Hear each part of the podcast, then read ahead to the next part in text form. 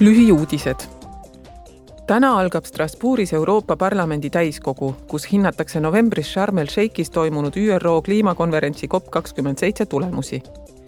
eelkõige tahab parlament teada, kuidas edeneb Pariisi kokkuleppe täitmine kliima soojenemise piiramise eesmärkide osas Euroopa Parlament peab praegu liikmesriikidega läbirääkimisi kliimameetmete paketi eesmärk viiskümmend viis üle mis peaks võimaldama liidul täita kahe tuhande kolmekümnendaks aastaks ulatuslikumad eesmärgid.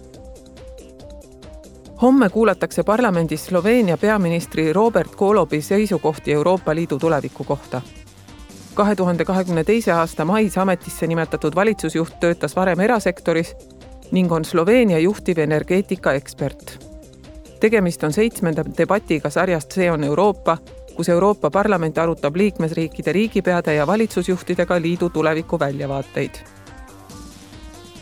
Homsel parlamendi täiskogu istungil räägitakse Euroopa Komisjoni esindajatega Iisraeli ja Palestiina kahe riigi lahenduse väljavaadetest.